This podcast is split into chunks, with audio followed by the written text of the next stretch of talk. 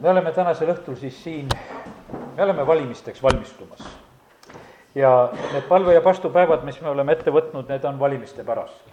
ja sellepärast on väga tähtis see, et see ei jääks mitte ainult selleks, et me jätame mõned korrad söömata ja mõtleme, et sellega on asi tehtud, vaid et pigem on meil väga tähtis, et me saaksime aru, mida peab tegema, mida peab palvetama, mida peab rääkima keda peab valima, kuidas tuleb käituda sellel korral ja sellepärast see, see on palju tähtsam kui, kui see söömata olek ja sellepärast aidaku meid Jumal, et, et me saaksime seda selgust.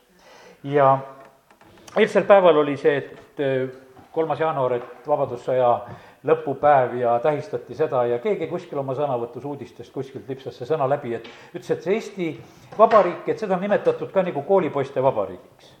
ja ja mingis mõttes see niimoodi ongi, et jumal ei ole saanud meile eh, kinkida kunagi sellist pikka vabadust. esimene vabadus oli lühike ja, ja see teine vabadus on samamoodi, et me nimetame seda vabaduseks, mis küll ammu juba enam ei ole vabadus, sest et sellest hetkest, kui Euroopa Liiduga liitusime ja andsime oma vabaduse ära, delegeerisime oma otsusõigused ära, see ei ole enam see vabadus, eh, millest Jumal tegelikult meile rääkis ja mida ta meile andis ja sellepärast meil on niisugune koolipoiste asi olnud, et üks pisikene aeg me oskame ja siis me anname selle käest ära, et juba teised otsustage, tehke ja olge. aga e, sõltumata nüüd e, sellest olukorrast, et oleme sellised koolipoisid siin ja, ja pikemalt ei ole nagu osanud, meil on õigus tulla ikkagi Jumala ette ja küsida, et aga kuidas nüüd? ja e, lugesin enne siin, enne siia tulekut täna veel kohtumõistjate raamatut ja sain nagu mõned pildid, mida ennem kui palvetame, jagan ja kohe vaatan kohtumõistjate raamatu algusest ja pärast Jooso surma küsisid Iisraeli lapsed issandalt öeldes, kes meist peab minema esimesena sõtta kananlaste vastu?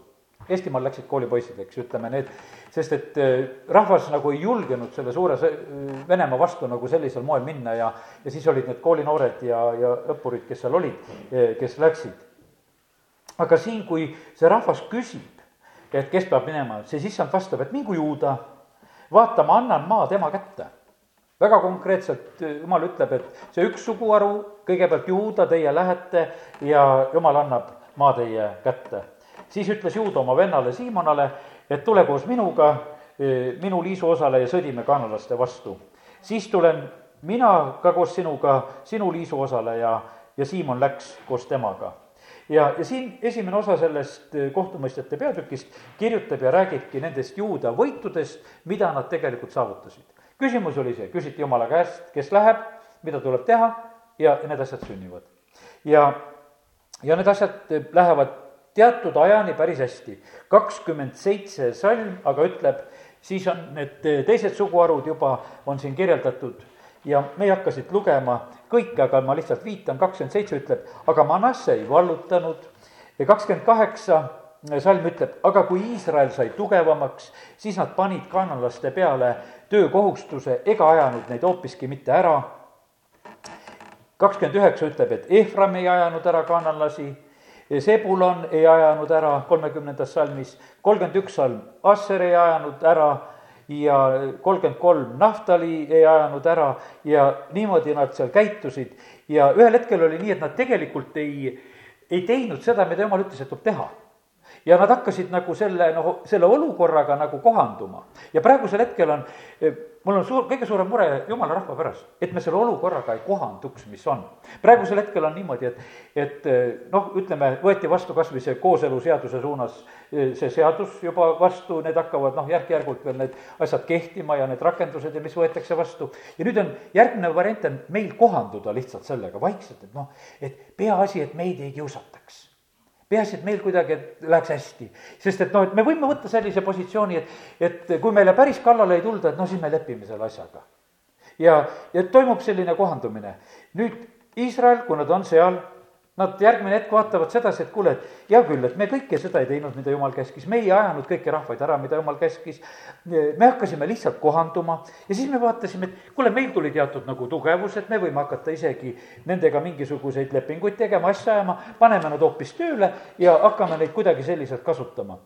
aga see oli väga petlik ja see, selline käitumine, teine peatükk juba räägib sellest, et issand läkitab oma ingli Gilgalist eh, pokkimisse ja see ingel ütleb nii, ma olen teid toonud Egiptusest ja viinud maale, mille ma vandega tõotasin anda teie vanemaile ja ma ütlesin, mina ei tee ilmaski tühjaks oma lepingut teiega. Teie ei tohi teha lepingut selle maa elanikega. Te peate nende altarid maha kiskuma, aga teie ei ole kuulanud mu häält, mis te olete teinud.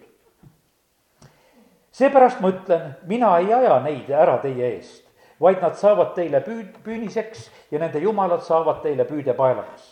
ja kui issanda ingel oli rääkinud need sõnad kõigile Iisraeli lastele, siis rahvas tõstis häält ja nuttis. Nad nimetasid selle paiga pokimiks ning ohverdasid seal issandale. järgmine hetk on niimoodi, et jumal tuleb, avab nende silmi, et te olete rumalasti käitunud, praegusel hetkel see olukord, mille, mille te olete ise nagu lubanud, et see jääb, see saab teile tegelikult komistuseks, see saab teile püüdepaelaks, see saab teile tegelikult raskeks. noh, see on selline, kuidas ütelda, jumalateenistuse õnnis hetk, nendel on korraks nagu silmad lahti, valgus sellel hetkel nagu paistab, siis tuleb nutt ka veel peale, nutavad, ohverdavad, noh, mõtlevad, et oi-oi-oi-oi-oi, mis me nüüd oleme teinud, kuidas me oleme ja, ja ega sellest palju nagu sellel hetkel nagu ei juhtu ka, see on lihtsalt niisugune hetkeline, hetkeline kahetsus ja, ja äratundmine, mis olukorras nad on. Siis e, kohtumõistjate raamat kirjutab veel ja kirjeldab nagu uuesti veel ka nüüd Jooso surmast. Ja esimene peatükk algab, et pärast Jooso surma ja te, nüüd teise peatüki kuuendast salmist hakatakse veel kord nagu kirjeldama seda olukorra muutust, mida tõi Jooso surm. Kui Joos oli saatnud rahva minema ja Iisraeli lapsed läksid igaüks oma pärisosale võtma maad oma valdusesse ja rahvas teenis issandat kogu Jooso eluaja, kogu vanemate eluaja, kes elasid veel pärast Joosot kes olid näinud kõiki issanda suuri tegusid, mis ta Iisraelile oli teinud. ja vaata, kui tähtis on see, et me oleme kogenud, näinud see, mida jumal teeb. ja nüüd ütleme, seesama põlvkond veel, kes oli näinud Egiptusest väljatulekut, kes olid näinud neid jumala suuri tegusid, mida ta oli teinud, sest et see põlvkond, kes kasvas üles, ütleme, need kahekümneaastased ja kes elama jäeti ka kõrbes, need nägid. Aga nüüd, kui need kõik surid ja kadusid, siin edasi räägitakse ka, Jooso sureb saja kümne aasta vanuses, ta maetakse, kümnes salm ütleb, ja kui kogu see sugupõlv oli koristatud oma vanemate juurde, tõusis pärast neid teine sugupõlv, kes ei tundnud issandat ega ka mitte neid tegusid, mis ta oli Iisraelile teinud no vaatasin eile, korraks vaatasin eh, lihtsalt eh, galeriid, Postimehest nähtavasti vaatasin, et eh, need, et Tallinnas avati geisõbralik see ööklubi ja et siis need, kes inimesed seal käisid, ma oma nelisada pilti või mis on üles pandud, ma ei jõudnud neid ära vaadata, ja valdavalt on võib-olla sellised noh, ütleme, kuidas ma ütleksin, mingid kolme-neljakümnesed inimesed, kes võib-olla kes astuvad nagu sinna, sinna, see noh, ütleme, et lihtsalt on piir pandud, et kakskümmend üks, et enne seda ei tohi klubis, aga et siis eh, sellises vanuses tohib minna. ja no oli seal mõningaid vanemaid inimesi, aga valdavalt ütleme selline, selline teatud eh, selline põlvkond, kes lihtsalt on kasvanud selles praeguses ajas, selles mõtteviisis asjas ja milles on küsimus? Nad ei tunne Jumalat Nad absoluutselt ei tunne Jumalat. kui meie eh, praegu ütleme, võtame siin aastad tagasi veel Nõukogude aja kandis läbi Eesti-aegne kooliharidus, ma mõtlen seda, et, et need eh, mehed ja naised, kes käisid Eesti ajal gümnaasiumis, nad õppisid ära keeled Nad olid võimelised koguduses tõlkima saksa või inglise keelt oma gümnaasiumihariduse baasil. Need õed, kes me koguduses olid, nad ei olnud suurema haridusega, aga nad olid võimelised selle eestiaegse gümnaasiumiharidusega koosolekul võtma tõlkimise ette, et nad teevad seda. praegu on nii, et otsi ülikooli haridusega, kas saab sellega hakkama. ja, ja nad olid selle haridusega. mis oli sellel ajal veel? õpetati usuõpetust, nad olid saanud selle, nendele õpetati kodus toidu tegemist, õpetati kud-, tähendab koolides kudumist, toidu tegemist, asjades. Nad tegelikult olid kõiges päris vilunud. said toiduga hakkama, said kudumisega hakkama, said keeltega hakkama ja, ja jumala tundmine oli ka veel noh, parim, mis olla sai. ja see, see paarkümmend aastat Eesti Vabariiki, see koolipoiste vabariiki, nii nagu me oleme täna nimetanud, kinkis kaasa selle pagasi, mis kandis tegelikult Nõukogude ajas ja hoidis neid inimesi õigel teel. praegusel hetkel on niimoodi, et, et valdavalt on see lihtsalt noh, kadunud, see uus vabadus, mis tuli, ei toonud meile seda, üks osa lastest, ütleme, kes käisid, ütleme, hoolikamalt alguses pühapäevakoolides ja kohtades, said teatud pagasi kaasa ja see õnnistab ja hoiab ka neid praegusel hetkel ja, ja nii ta on, aga kui kaob ära see sugupõlv, kes tunneb issanda tegusid, kes tunneb eh, tema sõna ja, ja neid asju, siis tegelikult mis juhtub? Eh, seal üksteist salm ütleb sellest samast asjast, kui see on kadunud, siis on üks suur jumalast taganemine, siis hakkab üks ebajumalate teenimine. ja Iisraeli lapsed tegid kurja issanda silmis ning teenisid Paale, nad jätsid maha issanda oma vanemate jumala, kes oli nad ära toonud Egiptuse maalt, käisid teiste jumalate järel. ja nende rahvaste jumalate hulgast siis, kes olid ümberkaudu, neid nad siis kummardasid ja nõnda nad vihastasid issandat. ja kui me täna ütle, olen juba meelde tuletanud mitu korda seda esimest vabariiki, kuidas see sündis. see sündis nii, et meie juhid olid põlvedel. Need jõulud, mis olid just ennem seda, seda Vabadussõja lõppu, siis oli niimoodi, et meie juhid ei pidutsenud, kui sellest perioodist lugeda ajalooraamatuid, siis nad olid lausa need, kes olid valitsuses, nad olid põlved maas ja palusid, et jumal, anna meile armu selle suure Venemaa ees. jumal andis armu. ja nii ta see tuli ja siis oli see üks väike hulk sõdureid, kes Tartu rahu ajal seal marsivad edasi-tagasi, suudetakse need lepingud alla kirjutada, suudetakse need asjad teha ja tegelikult selles aitas Jumal. ja siis läheb see vabariik käima, siis on Reitsi aeg, siis on niimoodi, minnakse juba suuremaks ja tugevamaks, nii nagu Iisraeliga juhtub siis öeldakse, ei, meil seda jumalat ei ole vaja, meil on kunstsitte vaja, sest sellel ajal avastati ära need väetised, mis saavad, et meil seda lehma oma ei olegi vaja, et meil on, meil on vaja kunstsitta, otsime seda, kus seda saaks põllu peale panna, et palju parem panna, ta ei haise ju nii palju, kui, kui paned, eks. ja, ja mis iganes maainimene mõtles välja, et kuidas elu läheb. ja tegelikult pöörati jumalale selg ja siis tuli see, et jumal võttis selle vabariigi ära ja viiskümmend aastat rahuga võisite olla ilma sellest. jumal on kinkinud uuesti ja sellepärast me ei tohi olla nii, nii rumalad kui mingisugused koolipoisid. jumal kinkis meile, sellepärast ma ütlen, et me peame nagu uuesti tagasi saama selle, mida on vaja tagasi saada meil on vaja seda, et saada see, see õnnistus kätte tegelikult, mida jumal tahab, jumal tahab niimoodi, et ma tahan, et, et see vaim tuleks nelja tuule poolt. et see elustaks ja sellepärast punkt üks on täna õhtul minu südames on nagu see palve, et palvetada eriti jumala rahva pärast, et, et me saaksime aru, et mis on tulemas, kui valimistega on tulemas. kui me läheme valimistele, kas, eh, mida, mida me valimistel nagu tahame teha, et kas me vaatame, et et kui ma valin selle või valin teise, et mida ma siis saan, kas ma saan pensionilisa või saan ma lastetoetusi või saan ma seda või teist või kolmandat. me võime lähtuda sellest, mida me saame, mida mina saan ja ma teen valiku sellest või me võime lähtuda teisiti nii, et, et kes oleks vääriline mind esindama, mida ta seal teeb. kuidas ta suhtub jumalasse, kuidas ta suhtub jumala sõnasse, e, mida ta seal teeb ja see on, see on hoopis teine lähenemine. meil on väga kerge tegelikult läheneda nagu sellele, et mida me sealt saame või tahaks soovida seda küll, et, et jumala rahvana meie võiksime seda, seda mõista, et sest et tegelikult ma lihtsalt nagu tuletan tõsiselt meelde seda, valimine on tä-, tegelikult ühe osa endast delegeerimine teisele inimesele.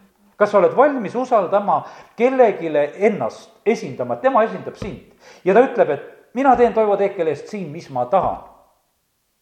Ja, ja Toivo Teekel seda tahtis, sest ta pani hääle mulle ja mina teen seda ja mina pean ütlema halleluuja, jah, ma nii tahtsingi ja siis, kui ta paneb neid omade seadusi ja asju paika, siis, siis tegelikult, kui mina valin, siis ma annan talle selle võimaluse.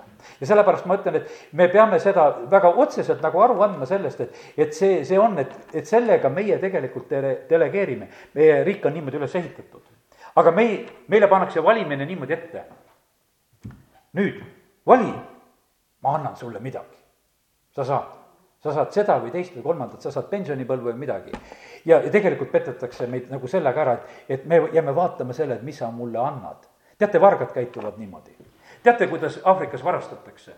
mu töökaaslane kunagi aastaid tagasi käis Tuneesias, ütles, et kuidas seal tehti. ütles, et ta tuleb, kingib sulle lille ja varastab su päikseprillid sellel samal hetkel sealt taskust ära, tuleb, tõrkab, torkab su rinnataskusse lille ja sealsamal hetkel on päikseprillid läinud. tegelikult ta tahtis su päikseprille saada ja see tühise lille ta lõi sealt aasa pealt sulle taskusse ja võttis su prillid ära. aga sina sellel hetkel oled pik-, petetud, mõtled, oi kui hea inimene, siin Aafrikas, ta tuleb ja kingib mulle lille. ja pärast kobad, et kuule, mina olen tühjaks tehtud tegelikult ja mine oma lillega, kus tahad. ja, ja sellepärast, kallid, ja kurat täpselt niimoodi teeb. meile praegusel hetkel topitakse neid lillesid silma ette. et tule, võta seda. järgmisel hetkel tegelikult antakse nagu, anname ise nagu selle voli ära. Ja, ja siis ei ole meil mitte midagi nutta, meil on aeg ärgata, et me ei oleks petetud. Ja nüüd on niimoodi, et kui Iisrael on tegelikult ilma jumalata, ilma jumalata on väga pime olukord, jäetakse, kui jumal jäetakse, siis, siis on varsti selline asi, et, et teate, mis juhtub?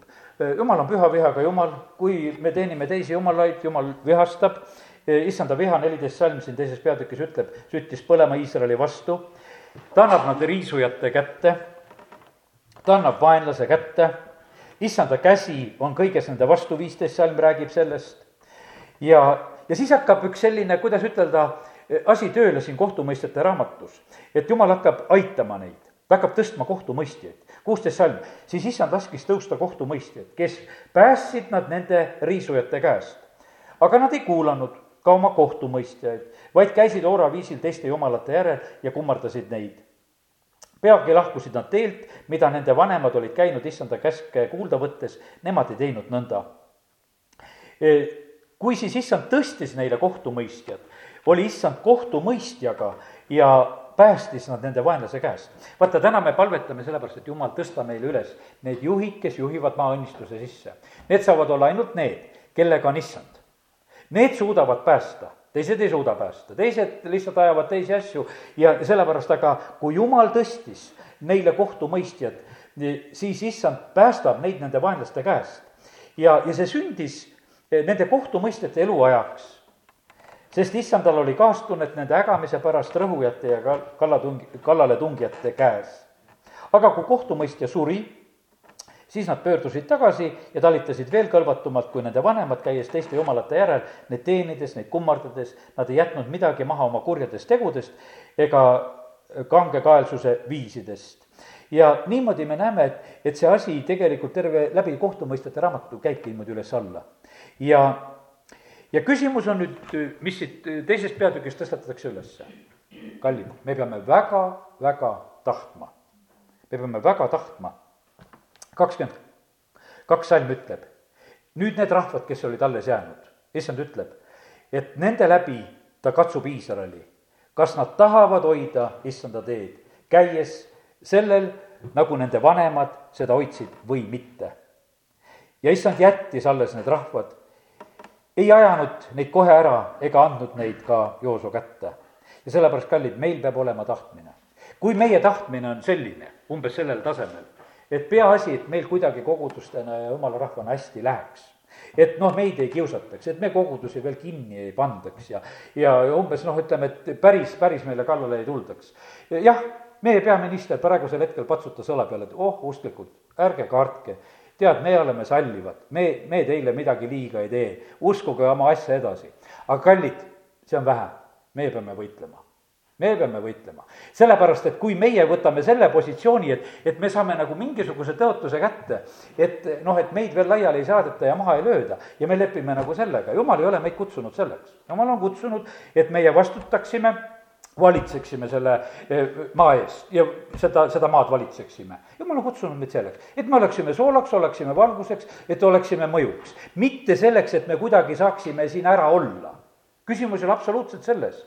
ja sellepärast Jumal jättis Iisraelile need rahvad ja need olukorrad, et neid katsetada ja proovida, kas nad tõesti tahavad issanda teed hoida. sest see surve oli teiste jumalate teenimiseks lihtsalt olemas. ja, ja sellepärast ja mis, mis siis Iisrael pidi õppima, kolmas peatükk räägib väga selgelt, et õppida oli vaja sõdima. Ehvesuse kuus, jumal on andnud meile sõjariistad, et meid õpetada sõdima mitte selle olukorraga leppima, et, et mis on ümberringi, vaid meie sõdime. ja sellepärast meie räägime välja asju, meie sõdime. ja loeme siit kolmanda peatüki alla, algust. ja need rahvad, keda issand alles jättis, et nende läbi katsuda Iisraeli kõiki neid, kes ei tundnud ühtegi Kaanani sõda. see võib olla nii, et me jumala rahvana ka no lihtsalt ei tunne sõda jumal, anna mulle mu patud andeks ja kas, lase mul kuidagi no olla. aga ei, jumal ei taha sedasi, et sa lihtsalt oled päästetud, vaid ta tahab seda, et sina oleksid õnnistuseks sellele maale.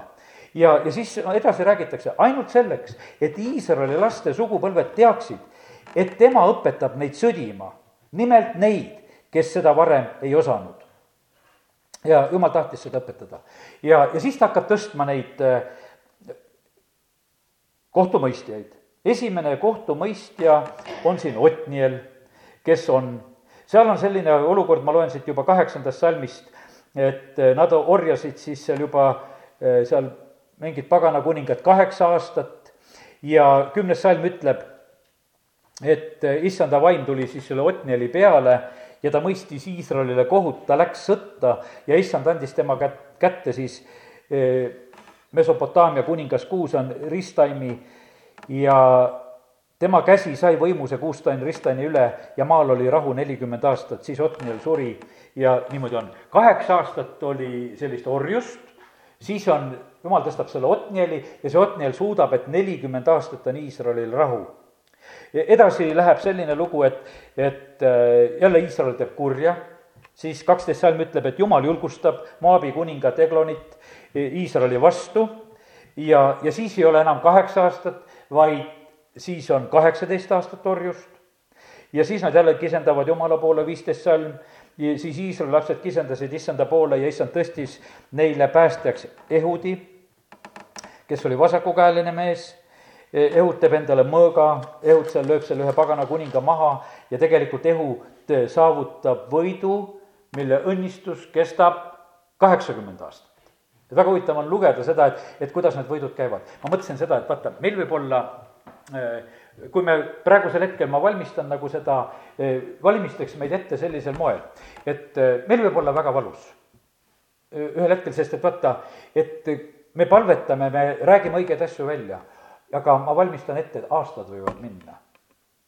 kaheksa aastat orjust, kaheksateist aastat orjust, meil oli viiskümmend aastat, eks siis antakse neid vabadusi, neid antakse täpselt nagu noh, jumal annab neid mõõtusid, ütleb, nii on. ja sellepärast on nii, et meie peame olema, teate, isegi sellel orja ajal saab eh, elada, aga ma ütlen sedasi, et me ei tohi oma võitlusvaimu kaotada tänane jutt on nagu sellest. ja me ei tohi olla löödud ka veel, kui veel sellel aastal ei tule ja, ja me peame edasi seisma ja võitlema, sellepärast et issand on rääkinud, et siin maal tuleb kristlik valitsus. ja sellepärast meie, meie ei tohi mitte olla sellest löödud, millal tema tõstab. aga vaata, kelle peal on issanda vaim, see saavutab alles võidu.